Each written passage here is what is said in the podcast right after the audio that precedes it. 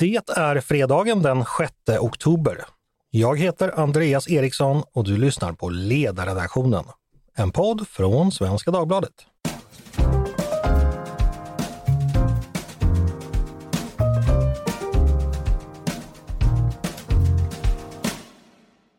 Armed robbery in progress. See surplus store, corner of People's Drive. Vissa ord bär magi i sig, trots att man inte förstår dem. Eller kanske just därför. För man kan fylla dem med vilket innehåll man vill. Så är det med Armed Robbery in Progress, See Surplus Store, Corner of People's Drive. För mig betyder de här orden en sen vardagskväll. Det är höst, eller vår, eller vinter och jag är 11, 12 eller 13 år gammal.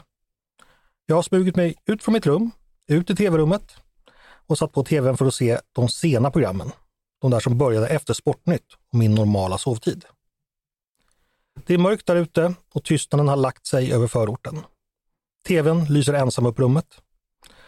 Idag och imorgon är en, ännu en av dessa vardagar på mellanstadiet eller högstadiet.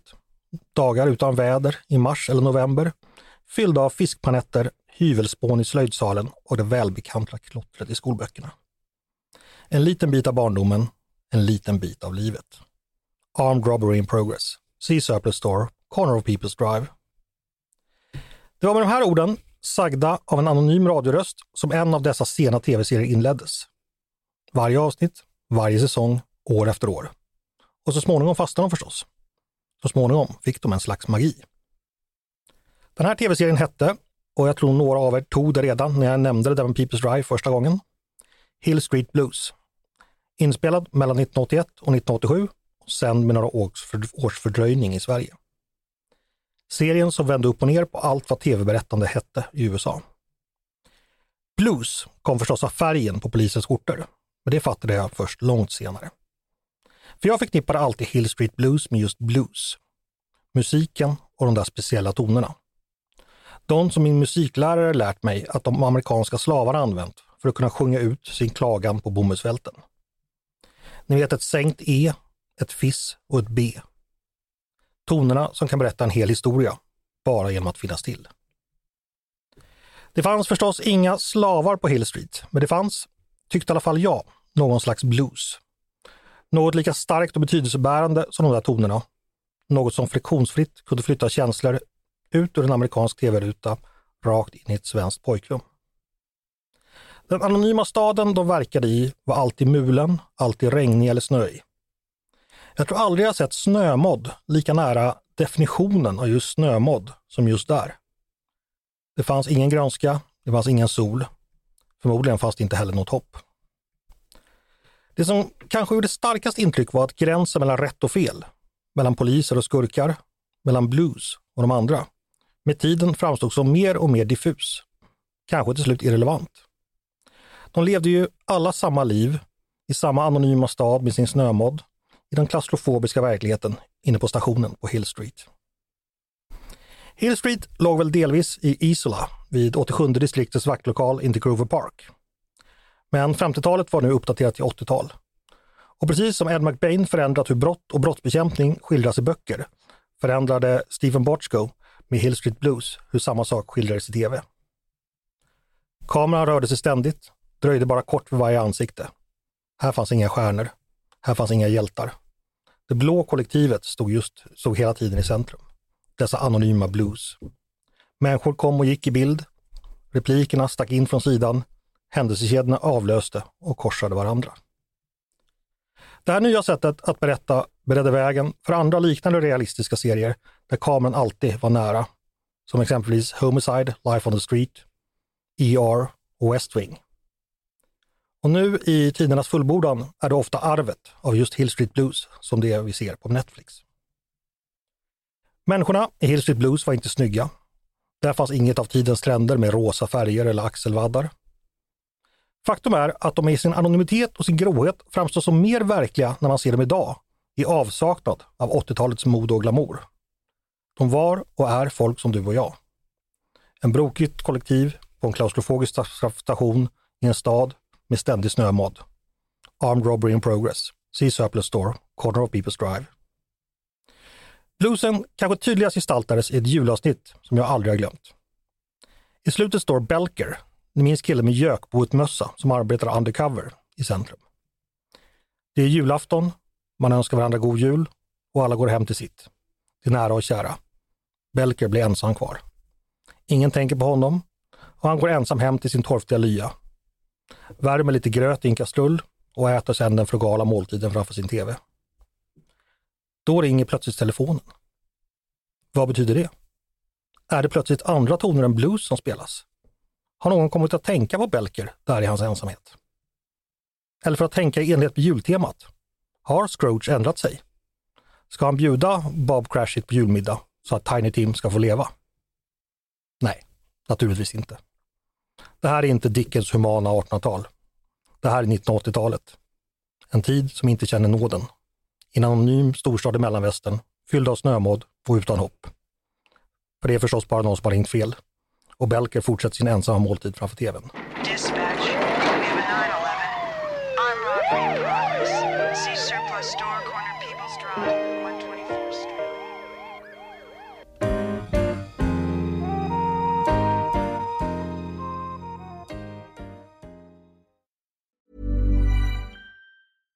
Hey, I'm Ryan Reynolds. At Mint Mobile, we like to do the opposite of what Big Wireless does. They charge you a lot, we charge you a little. So naturally, when they announced they'd be raising their prices due to inflation, we decided to deflate our prices due to not hating you.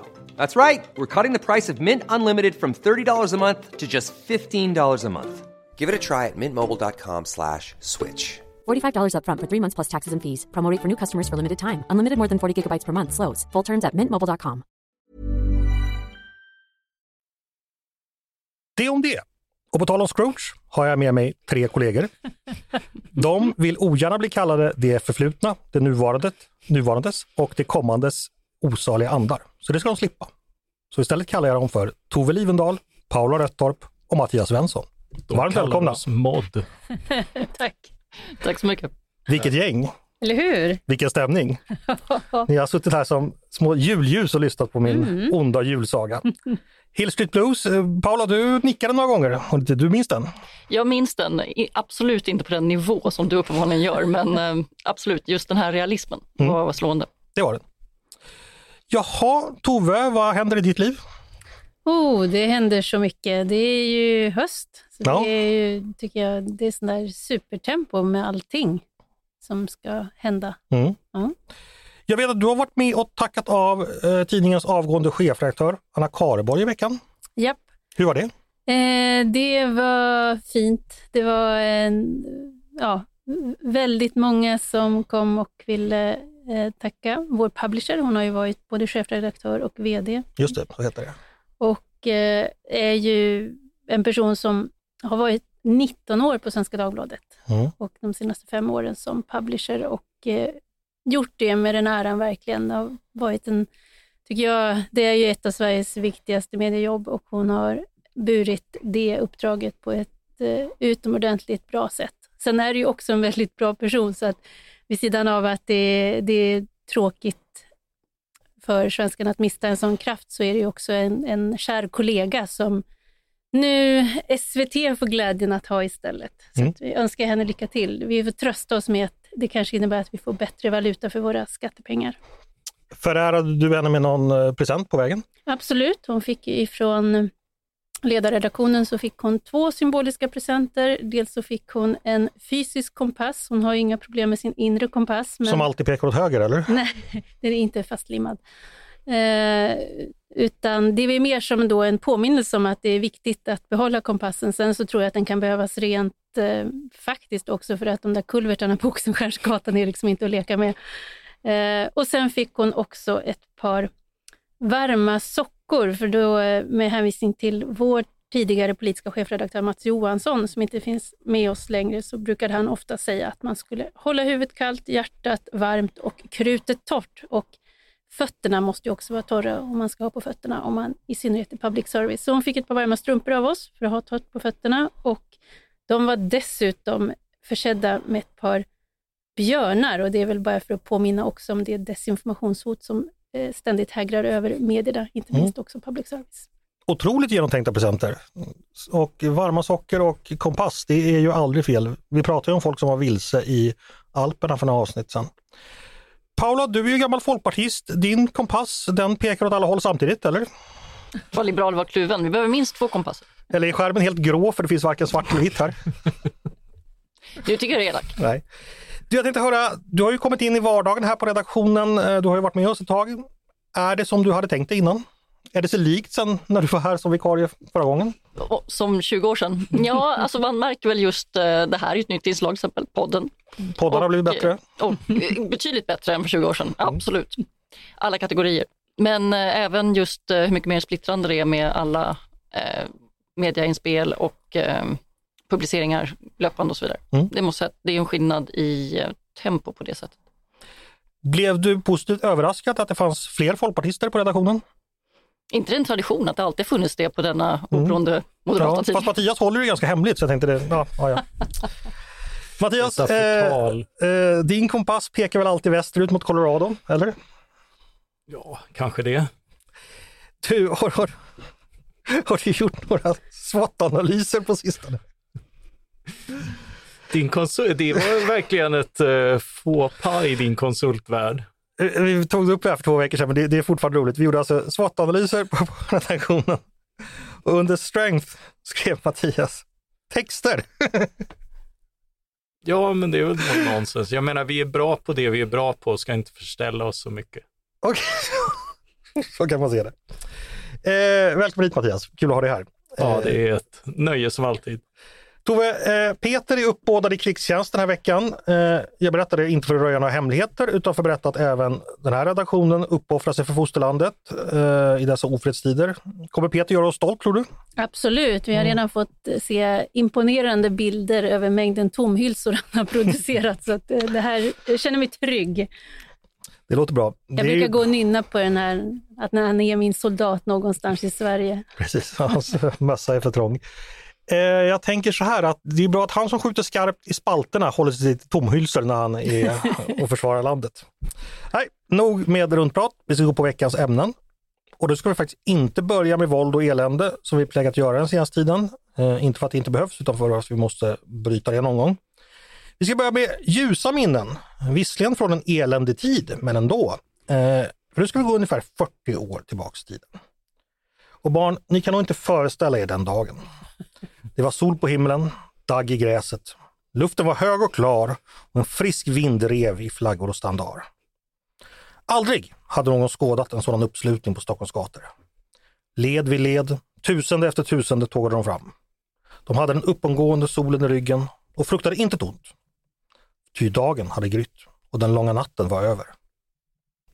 Den 4 oktober 1983, den moderna borgerlighetens födelse. Själva primalscenen i den liberala revolution som ruskat landet i dess grundvalar sedan dess. Många tror att det var på Leipzigs gator, eller vid Bornholmerstrasse, som avgörande stund slog. Eller att slagskepp från Norfolk och San Diego, F117 som lyfte från mörklagda flygbaser, eller stridsvagnars kolonner i Fuldagapet var det som vann slaget om friheten. Att det var i Vita huset, eller Downing Street, eller NATO-högkvarteret i Bryssel som gjorde upp planerna. Föga vet det. Slaget stod och avgjordes på Stockholms gator den 4 oktober 1983. Budkavlen hade löpt runt landet, vårdkasan hade brunnit natten. Människorna hade samlats i grupper och organisationer som åar fyller floder och hav. Mattias, därom kan du ge besked, ty du var med. Berätta, vad var det som hände? Ja, nej, det, det var jag inte. Jag var Nej, vi ska vara allvarliga. Vi har firat 40-årsminnet av löntagarfondsstridens kulmen kan man säga. Och det här har du skrivit om veckan. Varför är det fortfarande 40 år senare viktigt att prata om det här? Ja, det vet ju du som har gjort en podd i saken. Ja, och det vet Som förstås gick ut den 4 oktober Ja. i onsdags. precis. Eh, Men nu frågar jag dig. Ja. Eh, jo, men det, det, det var viktigt därför att det var ju en, eh, en det är ju väldigt rolig ironi därför att eh, det var på 70-talet föddes det ju som socialdemokratins och inte minst fackföreningars rörelsens tanke om att verkligen socialisera näringslivet och det slutade med en, en förlust som rullade tillbaka också segrarna och gav en medvind för marknadsliberala reformer under ett antal år där på 80 och 90-talet.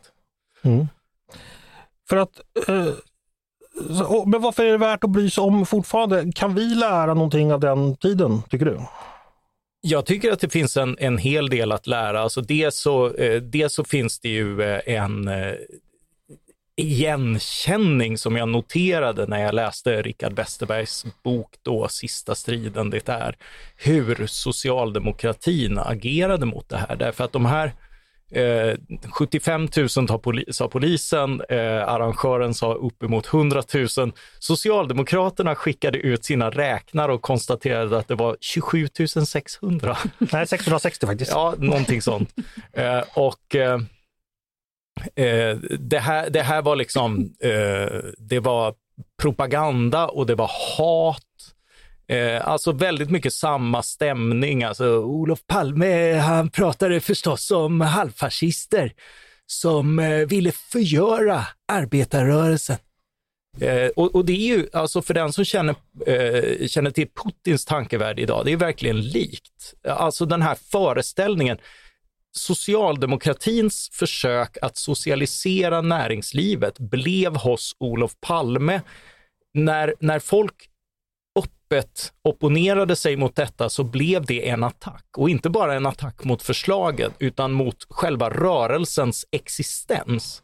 Och, och det, där är, det där är ju talande för en, en världsbild och ett lättsårat ego som, som är socialdemokratin. Så fort makten är hotad så är verkligen alla medel tillåtna och det finns liksom ingen skamlöshet som de väjer för. Det här är ju superintressant Mattias. Jag tror precis som du att det här skakade många inom socialdemokratin. Just folklig uppslutning, det var ju deras gren så att säga, att Ja. ha majoriteten med sig. Men sen också, jag och Rickard Westerberg då som är ekonomisk eh, ekonomihistoriker och har skrivit den här boken som Mattias nämnde, vi pratade om det i podden i onsdags. Hade inte Palme skäl, hade han inte också samtidigt rätt? För att som du själv säger så blev det ju en attack på många av Socialdemokraternas politiska förslag förutom löntagarfonderna och mycket av deras tankar rullades tillbaka. Så Palme hade väl en poäng? Ja och nej, därför att många av de här reformerna, det ska vi ju komma ihåg, rimmade ganska väl med socialdemokratin och det var ju de som genomförde dem. Det var socialdemokratin som i slutet av 80-talet eh, faktiskt eh, valde att lämna in en medlemsansökan till EU. Det var socialdemokratin som ihop med Folkpartiet gjorde en skattereform som faktiskt rejält sänkte marginalskatterna. Eh, och eh, och, det, och det, här var, det här var på den tiden inte reform och, och avreglerade eh, krediterna som var väldigt kontrollerade och sådär. Eh, eh mycket roligt exemplifierande med hur man fick i Sällskapsresan smuggla ut pengar i ja, precis. Och, och eh, eh, så, så alltså ja, det skedde en reform, men precis som många andra liberaliseringar så var det både borgerligheten och socialdemokratin som genomförde det mesta av dem. Och det är ju inte så att Socialdemokraterna har rullat tillbaka det sen efteråt. Nej. Tove, i din historieskrivning, vad betyder löntagarfondsstriden för Sverige och det som kom efteråt? Jag tror att det var en, ett bra wake-up call så att säga och det, det är poäng att påminna om denna dag varje år, inte bara när det är jämna jubileum, eh, därför att det är en påminnelse om att vikten av att polit, vi håller politiken ifrån andra samhällsområden. Och det finns ju någonting här som, som löntagarfonderna var ett uttryck för som kommer tillbaka hela tiden i olika skepnader, nämligen politikens vilja att, att styra andra sfärer, att sätta upp reglerna för andra sfärer, att man har rätt till, till frukten av andra sfärer därför att man är så viktig. Och jag tror det var Vidar Andersson som bäst har formulerat det här någon gång. Det var ganska länge sedan, han skrev en bok som heter Berättelser, så talade han om den här att politiker har så lätt för att se sig själv som, som är man demokratin, så, så blir det provocerande när människor hittar på egna lösningar, alltifrån att starta skolor eller hitta liksom andra sätt att lösa saker än vad politiken, för då, är man näst, då blir det nästan som att man, man, man gör uppror mot demokratin. Eh, och den där eh, vanföreställningen, den dyker ju upp och inte sällan då när det gäller just näringslivet, att plötsligt så kan det komma, nu har ju alltså EU-kommissionens kvoteringsförslag, att man från, från, från det hållet säger att vi vet hur man ska bedriva näringsverksamhet, vi vet hur man ska, ska eh, eh, organisera entreprenörskap. Så att det, jag tycker av det skälet så är det jätteviktigt. Det var viktigt att, att eh, det blev ett, ett tydligt avslag från folket och det är viktigt att påminna om varför det var, var en sund och riktig utgångspunkt. Paula, har du några minnen från den här tiden och fondstriden? Ja, alltså faktum är att jag var, jag tror inte att jag var där 1983, men jag tror att jag var där 1984. Nära ändå. Jag minns ett fackeltåg ehm, och eh, en person som stod efter oss och eh, hävdade att han röstade på VPK, men fonder tyckte han ändå var för mycket. Ja.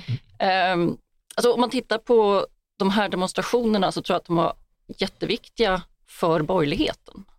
För att visa att tar man en ideologisk strid så har man en massa människor med sig. Kanske inte speciellt många som röstar just på VPK, men det finns en genklang i ett större samhälle. Och det tror jag inte man hade liksom riktigt trott på eller vågat tro på förrän det här kom. Däremot som ett inlägg i själva lagstiftningen så var det ju ganska meningslöst i och med att förslaget redan då var extremt urvattnat och det hade ingen påverkan på själva processen av att faktiskt införa de urvattnade löntagarfonder som faktiskt aldrig tog någon riktig makt över näringslivet. Den ideologiska striden vann man ju på andra sätt. Och tidigare. Eh, man kan säga då att eh, redan den, här, den 4 oktober så gjorde man en opinionsmätning i Sverige och visade sig att 76 procent av svenskarna var emot fonderna och bara 21 procent för. Alltså att, eh, och de infördes ju då aldrig några månader efter det här, men, men samtidigt så blev de ju aldrig någonting mer. De lyfte aldrig och de, de kunde också avskaffas ja, i ganska god ordning. Det där är ju intressant därför att eh, det var ju eh, en, en aspekt av, av Rickards bok är ju att det var oerhört populärt i rörelsen. Alltså både inom facket och inom eh, socialdemokratiska partiet. Bland de aktiva gräsrötterna så var det här verkligen fantastiskt samtidigt som så stora delar av befolkningen inte höll med dem. Det här partiet som ändå har burit mycket av av liksom, i, i sin egen självbild, både landet och folkviljan, deras aktivister är faktiskt inte speciellt i fas med. Och det, eh, man kan påminna sig om det när de, när de var lika begeistrade över Håkan Juholt. Att det, det är också liksom den här, den här föreställningen om att när, när gräsrötterna mår bra, då mår socialdemokratin bra. Eh, det gör de kanske inte. Sen, sen är det ju också, och det skriver eh, Fredrik Johansson om imorgon, för den som lyssnar idag, fredag, eh, att det är ju, och det är ju till demokratins förtjänst, att här kommer det här förslaget som väldigt många reagerar mot. Det leder ju också borgerligheten till att leta lösningar på det man är ense om är problem. Att kapitaltillförsel till företag, eh, vem som äger företagen och sådär. Eh, Men högerns lösning blir ju då att underlätta eh, med vissa skattelättnader då ett sparande, ett eget sparande och just ägande i företag. Att köpa aktier, att, eh, att spara i fonder och liknande. Eh, det får ju sitt genombrott under den första borgerliga regeringen som annars inte åstadkom speciellt mycket. Och sen är det någonting som blivit kvar och utvecklats. Idag har vi ISK-konton till exempel som, som vunnit en ny generation för att, att spara själv, intressera sig för hur det går för eh, företagande och näringsliv. Att det inte bara är en abstrakt fråga utan något som faktiskt rör oss var och en. Mm. Så är det. Eh, jag tror också det som Paula säger, det här med att för borgerligheten så blev det väldigt viktigt. Och det är ju en sak som eh, jag har märkt. Jag kom ju in i borgerligheten i den så kallade sfären 20 år senare. Och då levde det här, for, det var därför jag sa att det var en sorts födelsescen, en primalscen, vilket det levde fortfarande kvar där. Och har ju inte minst inom liksom den u- borgerligheten utanför partierna levt vidare som någonting väldigt viktigt. Och, och de metoder, opinionsbildande metoder, den pedagogiken, eh, har ju funnits kvar hela tiden. Det har ju, Mattias, du har ju varit del av den traditionen, verkligen det här med att man ska övertyga med argument och Ja, och man, när det är riktigt illa då får man gå ut på Stockholms gator. Men, men, men, men annars så skriver man böcker och eh, kämpar med logiken. Eh, jag ska berätta en privat historia här. Jag pratade med min pappa om det här. Eh, som då, när fondförslaget kom, var liksom, eh, han- han var småbarnspappa i 35-årsåldern, inte särskilt politiskt intresserad, röstade väl borgerligt men ingenting annat.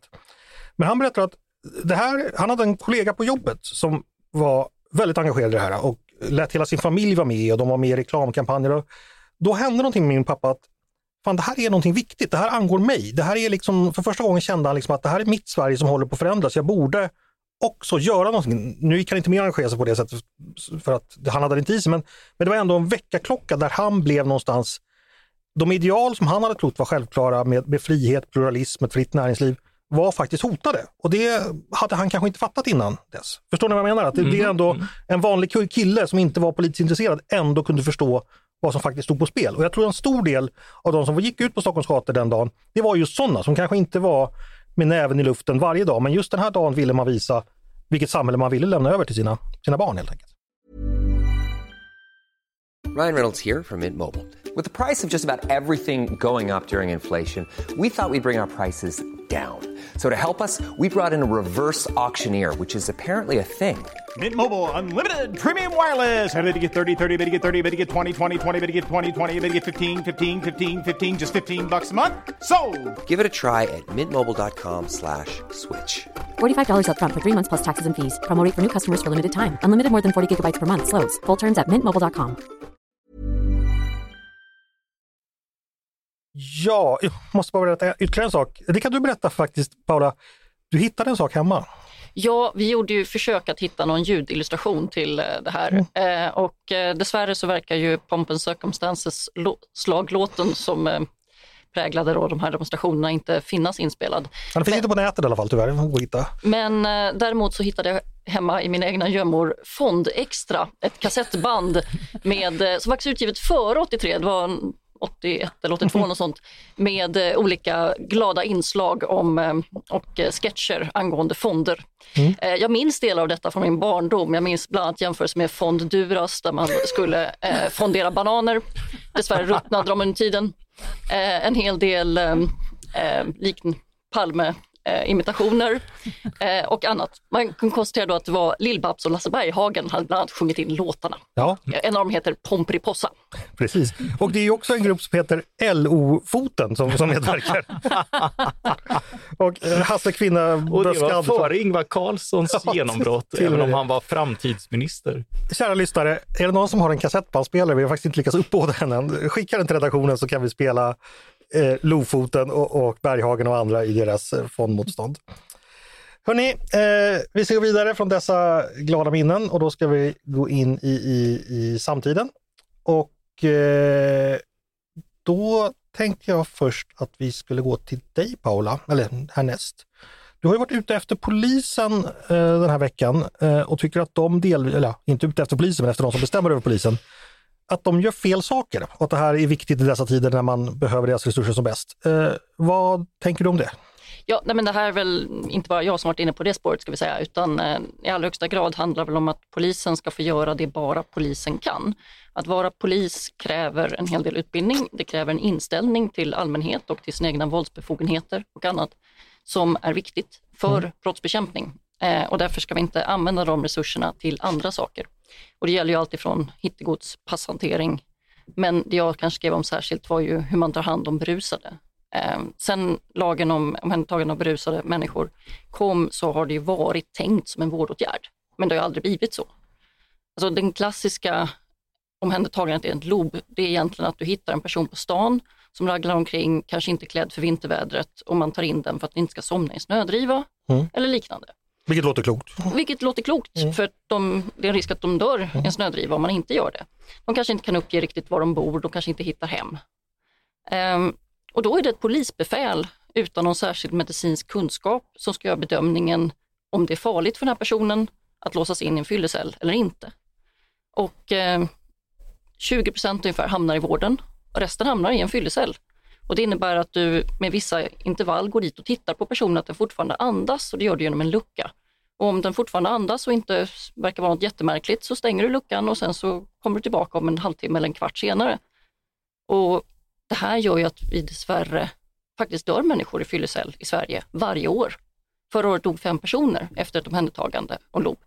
Och vi kan naturligtvis inte säga att alla de här fem hade överlevt att de hamnade inom vården. Men de hade inte ens granskat av någon medicinskt kunnig. Mm. Det här är inte lätta bedömningar att göra.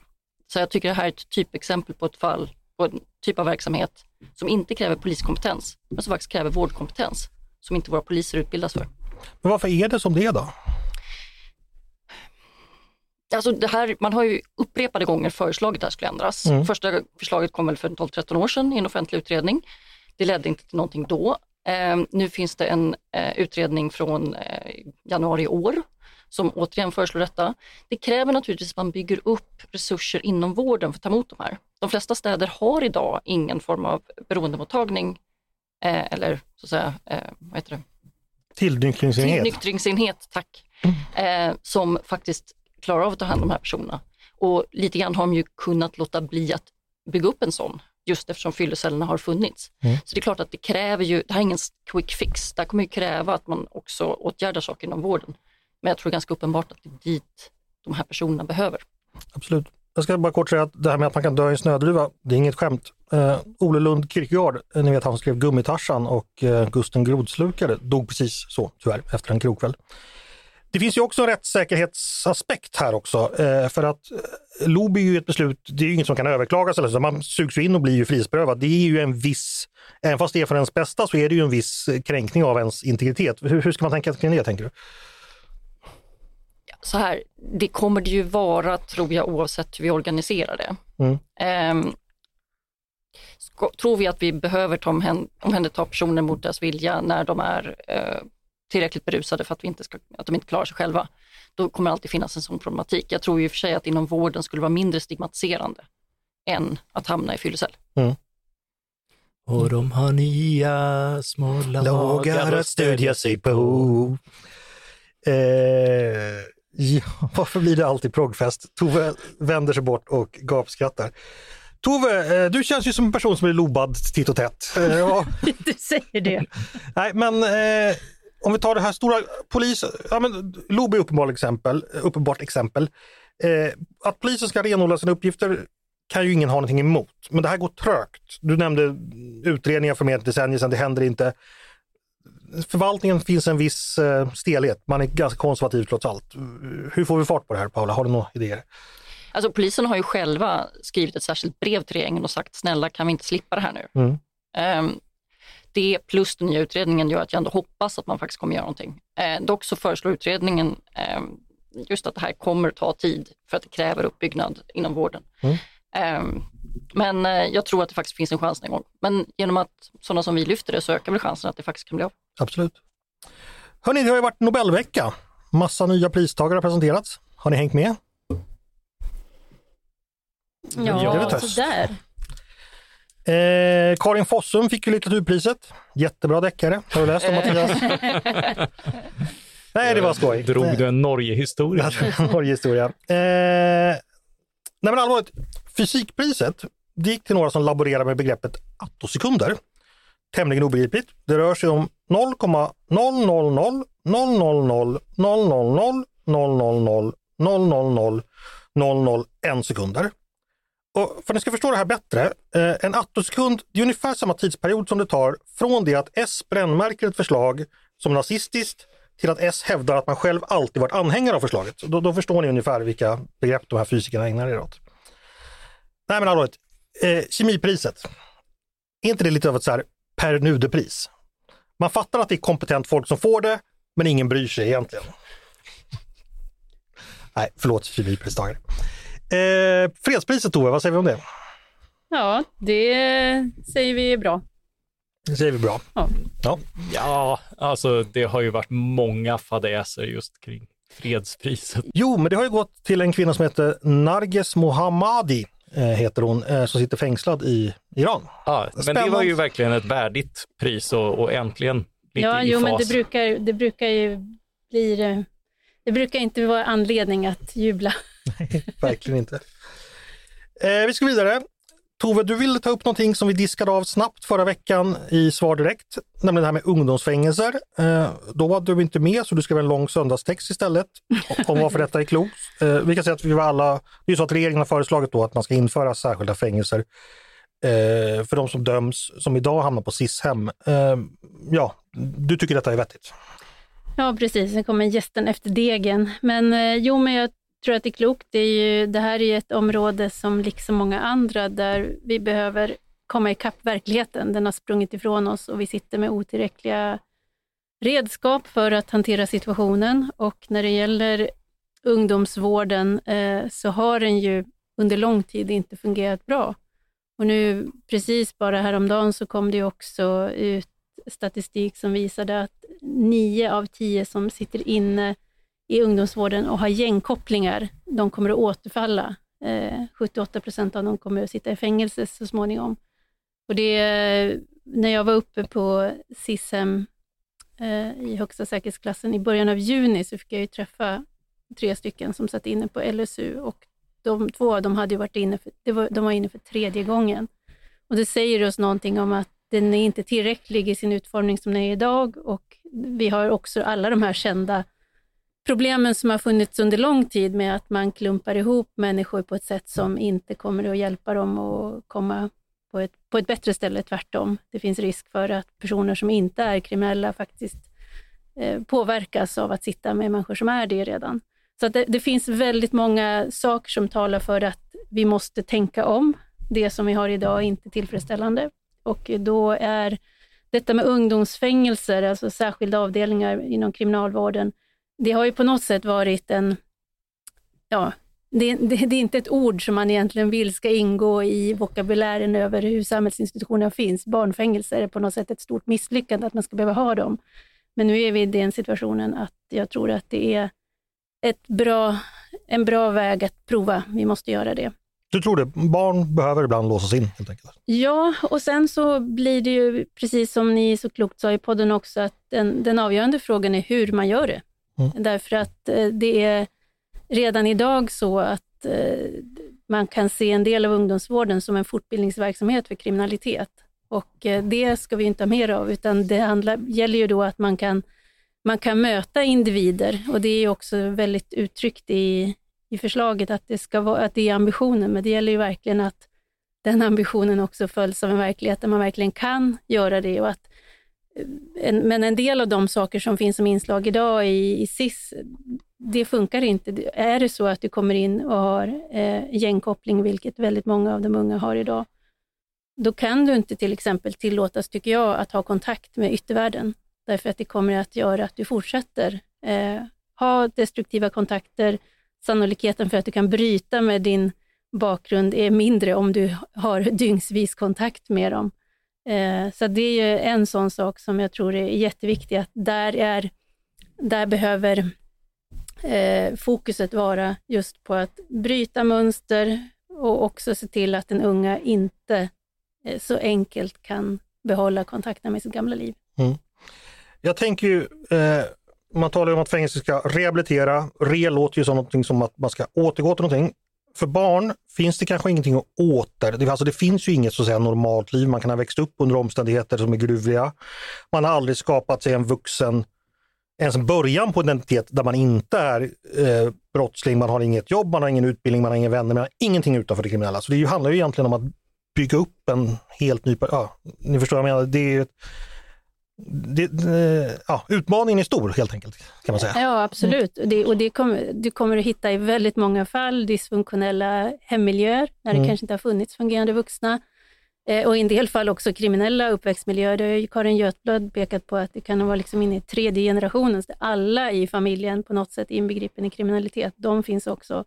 Och sen har du ett antal personer som har oställda diagnoser. En del av dem får ju det under har liksom ungdomsvårdstiden, hjälp att ställa diagnos och kanske också ibland medicinering och behandling mot det. Så det, det är, ju, det är en gigantisk utmaning. Eh, sen får man väl fundera också på, nu, har ju, nu är ju uppdraget till Kriminalvården att det här ska vara i, igång sommaren 2026. Mm. Eh, utredarens ursprungliga förslag så var det 2028 som var angivet som en realistisk tid, vilket jag vet inte vem som ska trolla med knäna, men, men eh, det gör det ju än mer angeläget att titta på just utförandet och realismen i att kunna få någonting som blir bra på plats. Eh, jag tänker att den ena sidan är väl den här att man vill svara på den desperation nästan som finns, eh, åtminstone oro, starka oro som finns bland befolkningen, att vi vill inte ha de här elementen ute på gatan därför att det är för otryggt. Så det, visst, jag förstår eh, det behovet, men det gäller ju att vi inte skapar ännu större problem medan personerna är inkapaciterade. Nej, och det känns ju som de här ungdomsfängelserna får börja jobba på sina arbetsgivarvarumärken som man brukar säga i konsultbranschen. För det ska ju rekryteras duktigt och framförallt pålitligt Mm. folk inför en enorma arbetsuppgift det här är. Att i princip få in en 15-16-åring och ge den det den inte har fått i form av kärlek, trygg och stöd och omsorg under sin barndom. Eh, och det är inte lätt att ge en, hinna ikapp det så att säga. Nej, och en person som har tio år kvar innan eh, den delen av hjärnan som har konsekvenstänk är utvecklad kunna förespegla en annan framtid och andra valmöjligheter än, än sådana som man aldrig någonsin har varit i kontakt med. Så ja, det är en, det är en utmaning. Jag tror det var Per Gudmundsson, vår tidigare kollega, som sa att en utmaning det är eh, ett problem på vilket man ännu inte ser någon lösning. Det, så är det väl. Vill någon annan, Mattias eller Paula, kommentera på detta? Men alltså, jag var ju inte heller med. Alltså, det, det, här är ju på ett sätt eh, och kan bli bara hårt eh, och, och dumt, liksom. men det finns ju en, ett väldigt starkt omtankescase i, bakom det här, därför att vi ser nu, vi ser den höga återfallsfrekvensen, det vill säga att de Eh, Eh, de som kommer in döms till någon form av påföljd, eh, hjälps inte av den utan hamnar tillbaka i samma destruktiva, farliga miljöer eh, som vi vet är, är oerhört nedbrytande och, eh, och, och liksom, eh, stressande. Så, så det är ingen hjälp för, för de som döms. Eh, och det är ingen hjälp för samhället runt omkring att de kommer ut och kan begå nya brott, representera nya hot. Så, så redan värdet av att för den typen av grova brott som väldigt unga personer begår idag, så finns det både ett rättfärdighetsargument och ett eh, omtankesargument för att faktiskt inkapacitera de här under längre tid och med striktare villkor så att man faktiskt får den här chansen att börja om. Paula? Ja, nej, men jag tycker man ska lägga till här är väl att eh, jag vill inte brutalisera SIS-hemmen på det sätt som man skulle behöva göra om man ska ha grova brottslingar i gängkontext eh, på de hemmen. Mm. För där finns många andra ungdomar som kanske bara har missbruksproblematik eller har begått mycket milda brott i sammanhanget. Och då är ju frågan, ska man då ha helt separata SIS-verksamheter för de här grövsta? Med den historik vi har av hur pass dåligt det har gått, plus svårigheten att då faktiskt införa tvångsmedel, att de här inte får ha kontakt med omvärlden och så vidare, då är det nog bättre att försöka på nytt i en ny regi. Men det viktigaste för mig är egentligen att det här separeras från ungdomar med annan problematik. Vi följer fortsatt frågan förstås. Eh, vi ska gå vidare. Det kommer en ny intressant undersökning som har eh, gått igenom var journalister bor någonstans. Har ni sett den? Ja, Det här är spännande. Eh, den har gjorts av, eh, Centrum för institut. Var, var Andreas? Var. Ja, ja, de bor naturligtvis i, utsatta områden och eh, ute på land. Nej, det gör de inte. De bor på Södermalm. Eh, det är Institutet för mediestudier som eh, jag tror det är tredje gången man tar fram det här. Eh, och då utgår man då från Journalistförbundets medlemsmatrikel så att alla journalister är kanske inte med, men, men journalister har ju hög eh, organisationsgrad. Några intressanta saker, man tittade hur man röstar i de då valdistrikt där journalister bor. Och då kan man säga det att, det här är föga förvånande, man röstar mycket, mycket mindre på SD, man röstar mer på V och på MP och i viss mån lite mer på L och C också. Eh, och ja, det beror ju förstås på att många journalister bor i Stockholm, där det röstmönstret finns. Ungefär hälften av Sveriges journalister, drygt 10 000, bor i Stockholms län. Eh, senast, sedan den här undersökningen gjordes första gången för tio år sedan har ungefär var femte journalist försvunnit. Eh, men eh, mönstret med att ungefär hälften bodde i Stockholm, det gällde då också. Tove, det här är ju välkända fakta, det bekräftar det vi vet. Eh, det brukar ofta diskuteras om att journalister är eh, alldeles för, för eh, homogena och att det finns problem med det. Vad tänker du om det?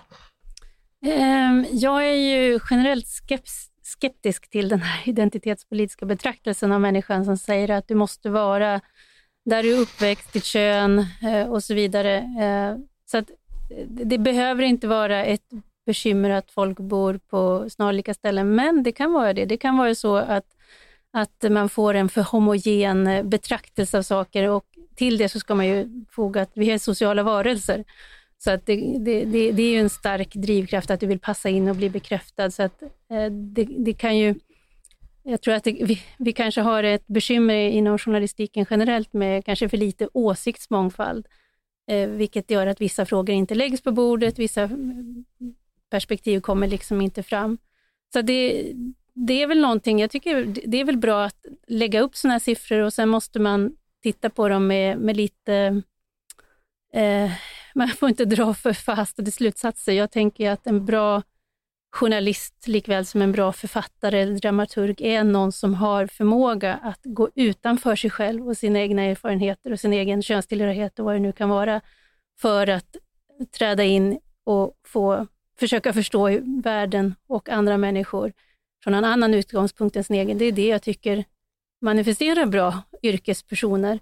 Och det, det, det, finns ju ofta en risk att det tippar över till andra sidan, att man sätter sig med en slags kvoteringstänk och säger att om vi bara har en redaktion som precis speglar samhället till den yttre mångfalden, vi har ex män, kvinnor, etnisk bakgrund hit och dit och så där, så får vi den bästa journalistiken och så är det ju inte.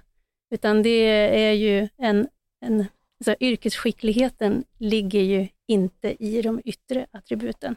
Så att jag, jag, tycker att det är bra, det blir bra spännande diskussioner, det, är, eh, det, det, det, brukar bli lite kärvande för att jag skulle nog säga att inom medierna generellt så finns en stark vurm för mångfald, man gillar det.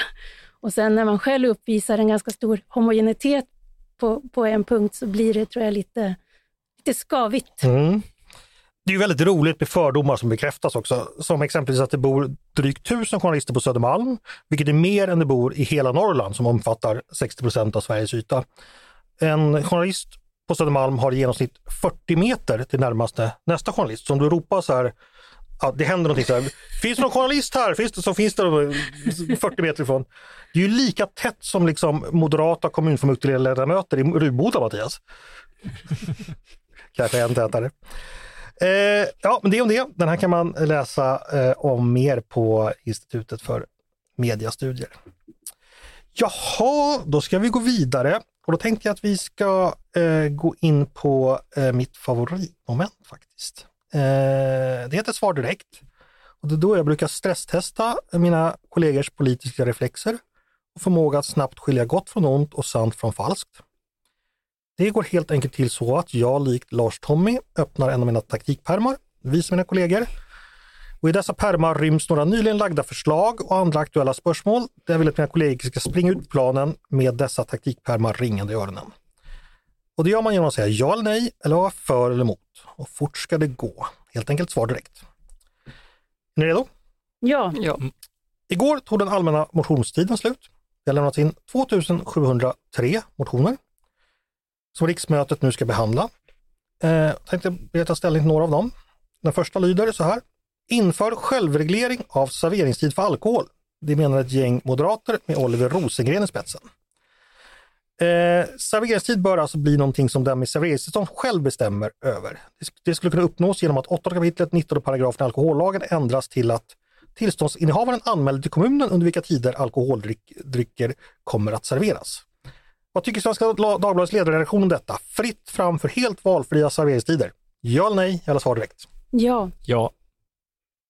Rätt riktning om jag vill gå hela vägen vet jag inte. Okej, okay. men då är du ändå, att, vad, vad, vad ser du för risker med detta? Eh, jag tror att efter att ha haft en eh, hårdare reglering vi har så skulle åtminstone stöd eh, kunna ta det lite, en liberalisering lite stegvis. Och se Med förnuft? Ja, nej men alltså jag har ärligt talat svårt att överblicka eh, till exempel vad den här typen av regleringar innebär för möjligheten att eh, bekämpa ren kriminalitet i krogvärlden, vilket vi vet att vi har problem med mycket svartjobb. Man påstår att man har eh, vissa tider man jobbar och inte och så vidare. Den typen av frågor tycker man behöver titta på. Okej. Okay. Ja, Mattias, dig behöver jag inte be om motivering från. Eh, och Tove var också där. Men vi gör tummen upp till, till eh, Oliver och company, Oliver och gänget. Eh, vi ska ta en motion till. Den är skriven av Jasmin Eriksson, Sverigedemokrat. Regeringen bör överväga ett förbud mot erbjudanden och kampanjer som lockar till merköp av livsmedel som innehåller en hög andel tillsatt socker. eh, detta motiverat med att 40 procent av Sveriges vuxna intar för mycket socker och att ungdomar får i snitt 17 procent av sitt kaloriantag via läsk och godis. Vad säger ni om detta förbud mot sockererbjudanden och sockerkampanjer? Är ni för eller emot? Jag vill ha svar direkt. Mot. Mot. Varför gör jag ens så här? jo, kanske för att det finns en hel del, för att påminna om att det finns en hel del, det här var alltså en SD-motion, eh, inom SD som kanske inte är så borgerligt och högerpolitiskt, men som däremot de rödgröna skulle kunna Mm. tänkas tycka om. Det är väl en god poäng Mattias? Ja, inte så söt i alla fall. Har ni tänkt på att en koalition mellan SD och de rödgröna skulle bli rödgrön-röd? Det är de panafrikanska färgerna. Betyder det någonting tror ni? Knappast. Lite siffermagi på det här nu så. Ja, det, om man rör ihop rött och grönt så blir det ju brunt. Men det får man inte säga. Nej. Ampelkoalition säger, säger man i Tyskland. Eh, hörni, vi tar en till. Priset på SL-kortet ska höjas. Den så kallade mittenkoalitionen som består av de rödgröna partierna plus Centern eh, har lagt sin budget för Region Stockholm. Den heter ödesmättat Ansvar i kris. Och då framgår det att SL-kortet ska bli 50 spänn dyrare och kommer kosta 1020. Dessutom höjs skatten med 30 öre. Vad tycker vi om detta? Är höjt SL-kort rätt väg att gå? Jag vill ha svar direkt. Ja, Ja. Jag, jag har faktiskt ingen åsikt. Nej, du bor ju utanför stan. Exakt. Sköt lokalpolitiken själva. Nej, men alltså, den regionala budgeten måste gå ihop. Ehm, Jag kan tycka att det är rimligt att jobba med flera olika avgifter och skatten och kostnadsmassan. Man kan ju hö- höja skatten, det gör man också nu. Man man kan ju spara också om man vill. Det är ju inte allt som regionerna gör som man måste göra. Mattias, vad tänker du? Eh, jo, jo, men precis så samt eh, att jag menar, subventionsgraden är rätt hög och det finns eh, definitivt dyrare åkkort ute i landet som inte tar en lika, lika långt och mycket. Mm. Och du cyklar ju så du behöver inte bekymra dig. Jag bekymrar mig om andra kostnader. Jag ska säga så här att det här SL-kortet, när det infördes, vet ni vad det hette? SL-kort? 50, 50-kort, precis. ja. Det kostade 50 kronor i oktober 1971. Det motsvarar 447 kronor idag. Eh, Men eftersom vi har blivit ungefär 2,2-2,3 gånger rikare så är det ungefär samma andel av vår BNP per capita. Så det har liksom följt med. Eh, Så det, det är logiskt. Det har väl byggts ut en del också, så du får mer. Du får mer, alltså mycket mer personkilometrar i många fall. Eh, Det får du absolut. Hörni, då är vi klara med svar direkt. Tack för det. Tack. Då ska vi gå vidare. Vad snabbt det gick idag. Vi diskar av det här bara. Pang, pang, pang. Snyggt. Det är för att vi vill komma till ditt favoritmoment. och för att ta så uppenbara frågor. Precis. Eh, ja, det är faktiskt som Tove säger, det är dags för mitt favoritmoment. Då behöver jag återigen låna en penna och en liten papper av Tove. För nu ska vi leka det här som heter Är du smartare än en ledarskribent? Ni känner vid det här laget väl till momentet, men för nytillkomna lyssnare ska jag kort förklara vad det går ut på. Det är en treven och gemytlig frågesport, där om, i alla fall till en början, helt normala triviaämnen. Mina kollegor mäter sina kuriosakunskaper med varandra. Ni som sitter där hemma och lyssnar ska förstås också med och tävla. Och svarar ni snabbare och kanske framförallt mer rätt än vad mina kollegor gör, då är ni smartare än en ledarskribent och då är ni verkligen smarta. Här ska jag bara först säga att jag fått ett mejl från Andreas angående Mattias prestation för två veckor sedan. Eh, för då var det ju så att frågan löd vem som var Tolkiens svenska översättare och Mattias svarade något överraskande Ulf Peter Olrog. Och Andreas skriver så här, hur han tror att det gick till. Frågan lyder, ja, Mattias får frågan. Mattias draggar desperat i minnet efter namn kopplade till Tolkien. Ett namn han hört kastas runt är Balrog. Men Svensson känner inte till att namnet betecknar en typ av fantasimonster hos Tolkien. Eh, men ljudlikheten får Svensson att associera Balrog med Ulf Peter Olrog. Möjligtvis kan Svensson även stärkt sig associerade av att Ulf Peter ba- ah, Olrog är upphov till Schottis på Valhall. Valhall associeras sedan, felaktigt då det ligger i Asgård, men ändå, vidare till Midgård som då Tolkien skriver om. Svensson skjuter från höften och kammar noll. Och skriver Andreas så här. Detta är mitt försök att ärrädda Mattias Svensson och då är det fint om det kunde framföras, gärna med ett glatt keep up the good fight. Mattias, känner du dig ärräddad? Var det så här det gick till? Eh, nej, jag förklarade ju hur det gick till eh, redan. Alltså, det var eh, Kalle Linds podd Snedtänkt har ju bollat runt båda de här namnen väldigt ofta och jag förväxlade dem därför. Men det är möjligt att jag förväxlade dem just för att Olrog och Balrog faktiskt påminner om varandra. Och Balrog är ju också ett innebandylag. Ja, Mm, minsann. Ulf Peder Olrog som tyvärr lämnade oss långt i förtid efter en depression. Eh, frid över honom och hans minne. Eh, men då ska vi gå på dagens frågor helt enkelt. Reglerna kan ni, man svarar genom att säga sitt namn. Vill man chansa innan jag läser färdigt frågan så får man det. Men då slutar jag läsa och man riskerar minuspoäng. Man har bara ett svar per fråga och vinnaren får en veckas evig ära. Eh, vi har pratat om löntagarfonder. Eh, så vi ska fortsätta med fonder. Eller buljonger som det också kallas. Vad kallas en klar köttbuljong som ofta klarats med äggvita och som äts som en soppa? Tove, Tove? konsumé. Mer fonder. Eh, vad heter den sås som görs från en ljus fond och med ljus redning? Såsen anses vara en av de så kallade modersåserna i det franska köket. Tove. Tove? Bechamel. Nej, det görs ju Nej, inte nej, på, det- det nej, det görs görs ju- på mjölk. Just det. Anses, då får du faktiskt minuspoäng. Åh nej. Anses vara en så kallad modersåsen i det franska köket och namnet kommer av dess lena struktur. Den är nämligen len som sammet och heter velouté. Vi skippar köksfranskan och går över på andra fonder. Här tänkte jag fråga om avsättningar till periodiseringsfond, men inser att det borde spela Paula allt för tydligt i gapet. Sen tänkte jag att vad fan har jag gjort, precis gjort med Tove och såser, eh, så därför. Jag har ju redan straffat bort min poäng. Ja, hon se- såsade. ja, senast efter hur många år behöver ett aktiebolags avsättning till periodiseringsfond återföras till beskattning? Mattias, Mattias? fem år.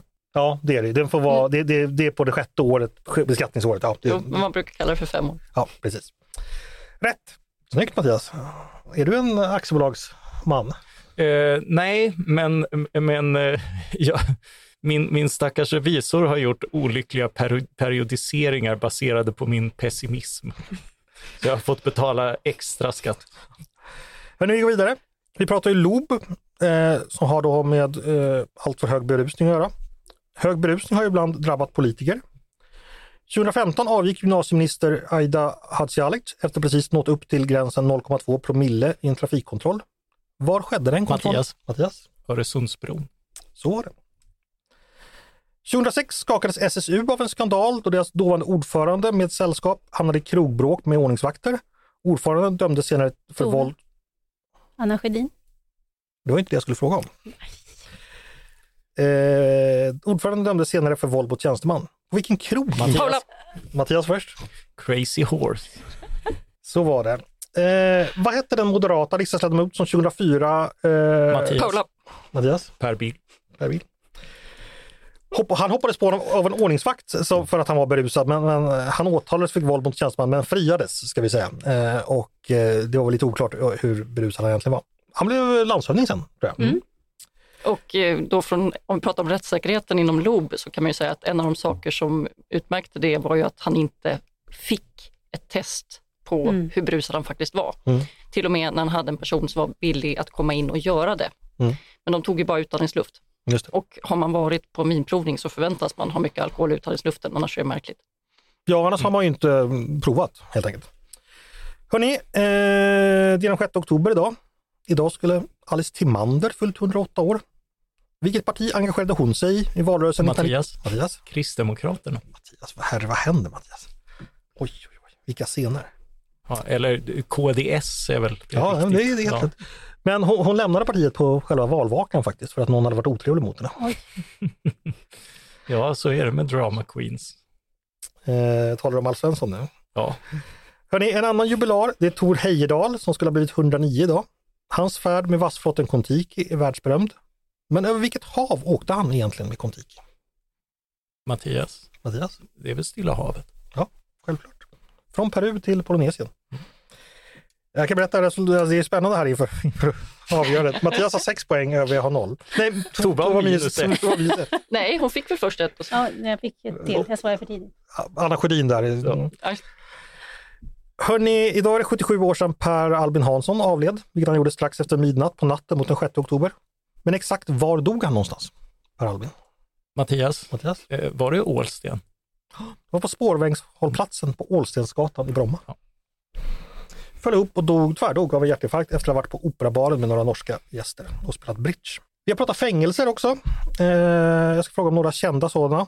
Vi fortsätter bara till, ja saken är utagerad. Mattias ska få triumfera. Vad heter det berömda fängelset i- staten New York med en elektrisk stol som kallades för Old Sparky, där bland annat makarna Rosenberg avrättades 1954? Åh, det- Äntligen något Mattias inte kunde. Ja, jag, jag kan det ju egentligen. Nej, Det heter Sing Sing. Ja. Mm. Nu söker jag ett fängelse i Sydafrika på en ö med samma namn, där bland annat Nelson Mandela satt fängslad 18 av sina 27 år i fångenskap. Tove? Robben Island. Snyggt Tove, då är det upp till noll. Och då är det intressant, eh, då kan man ju tro att det här Robben Island har någonting med rånare att göra. Eller sådär. Men så är det inte, för Robben på holländska betyder vad? Det här är en extra fråga bara, men det betyder helt enkelt sälar, så det heter, det är Sälön. Eh, vad hette fängelseön utanför Franska Guyanas kust vars fångkoloni ett tag inhyste den franska officeren Alfred Dreyfus utsatt för ett berömt justitiemord? Kökis. Mm. Det var det hårda bud, det hette nämligen Djävulsön. Mm. Ett, Åh sista, fan. ett sista fängelse. Det låg i Berlin och hyste mellan 1946 och 1987 nazister som dömts i Nürnbergrättegången. Vad hette fängelset? Mattias Mattias? Stamheim. Nej, det, var ett annat nej, fängelse. Fan, det var, Det var andra det var oteckningar. ja. Inte rött utan brunt Ja. Eh, Det hette, någon som vill chansa? Det hette Spandau. Ja. Ja, ja Spandau Ballet. Ja. Och det revs ju, eh, Rudolf Hess satt ju faktiskt där till extremt hög ålder, 1990, eller 93 år gammal var han när han dog 1987. Och efter det så rev man fängelset helt och hållet för man ville inte att det skulle bli en vallfallsplats för nynazister. Ja, det är väl bara för eh, medtävlare och domare att buga för Mattias. Vilken otrolig seger. Eh, hur var det möjligt? Ja, det är, ja, det är bara... Det såg så mörkt ut i början med Ja. fonderna och där. Liksom. Ja, det var fel sorts fonder. Och Tove Vel- Velouté och bechamel. Ja, jag är besviken där. Ja, jag med. Jag är otroligt. Jag kommer Ja, inte förlåta mig själv. Jag, Vi kan jag, jag var på väg att gissa på bearnaise och så hade Andreas fått mejla och är, försöka ärrädda mig igen. Nu kan jag säga så här att bearnaise är ju en dottersås. Eh, Bechamel är ju faktiskt en modersås. Ja. Eh, Vad heter modersåsen till bearnaise? Den heter hollandaise, det vill säga en eh, emulsion. Eh, det om detta. Ja, Eh. nu flyger allting över huvudet på mig som vanligt. Hörni, vi är redan färdiga faktiskt. Eh, bra jobbat allihopa, för det här var nämligen allt jag hade att erbjuda idag. Vi började på Hill Street och vi slutade med franska såser. Det var en ganska bra blandning tycker jag. Mm. Någon som har någonting att tillägga? Tove? Nej, jag, jag, jag, jag måste hämta mig efter det här. Ja. Du, du, du får komma tillbaka nästa vecka och revanschera dig. Absolut. Paula, några sista ord från dig? Ja, du överdriver ju bredden. Vi började med Hill Street Blues och slutade med fängelser. Jag tycker att eh, vi höll oss inom temat. Precis, som så ofta. Mattias? Be careful out there. Ja, precis. Eh, det, visst var det en bra tv-serie, Hill Street Blues? Ja, alltså jag, jag har inte samma eh, minnen, men jag minns just det där och så fort, eh, så fort ett möte avslutas frestar jag att säga be careful out there. Men kan inte du avsluta den här podden genom att säga det? Ja, men jag Det sa sa du precis. Ja, be careful out there. Eh, stort tack Mattias, Paula och Tove för att ni vill vara med mig idag. Tack. Tack Andreas. Ett nöje som alltid. Och tack förstås också till er som har lyssnat på dagens avsnitt av Ledarredaktionen. En podd från Svenska Dagbladet. Ni är som vanligt varmt välkomna att höra av er till redaktionen med tankar och synpunkter på det vi precis har diskuterat. Eller om ni har förslag på hur Mattias associationsbanor har gått. Eller om ni har förslag och idéer på det vi ska ta upp i framtiden. Vi har ju massor med poddar att göra framöver och vi vill fylla dem med ämnen ni tycker är intressanta. Med alla dessa åsikter och infall eh, mejlar ni till ledarsidan snabel svd.se. Dagens producent, han heter som vanligt Jesper Sandström. Jag heter som vanligt Andreas Eriksson och jag hoppas som vanligt att vi hörs snart igen.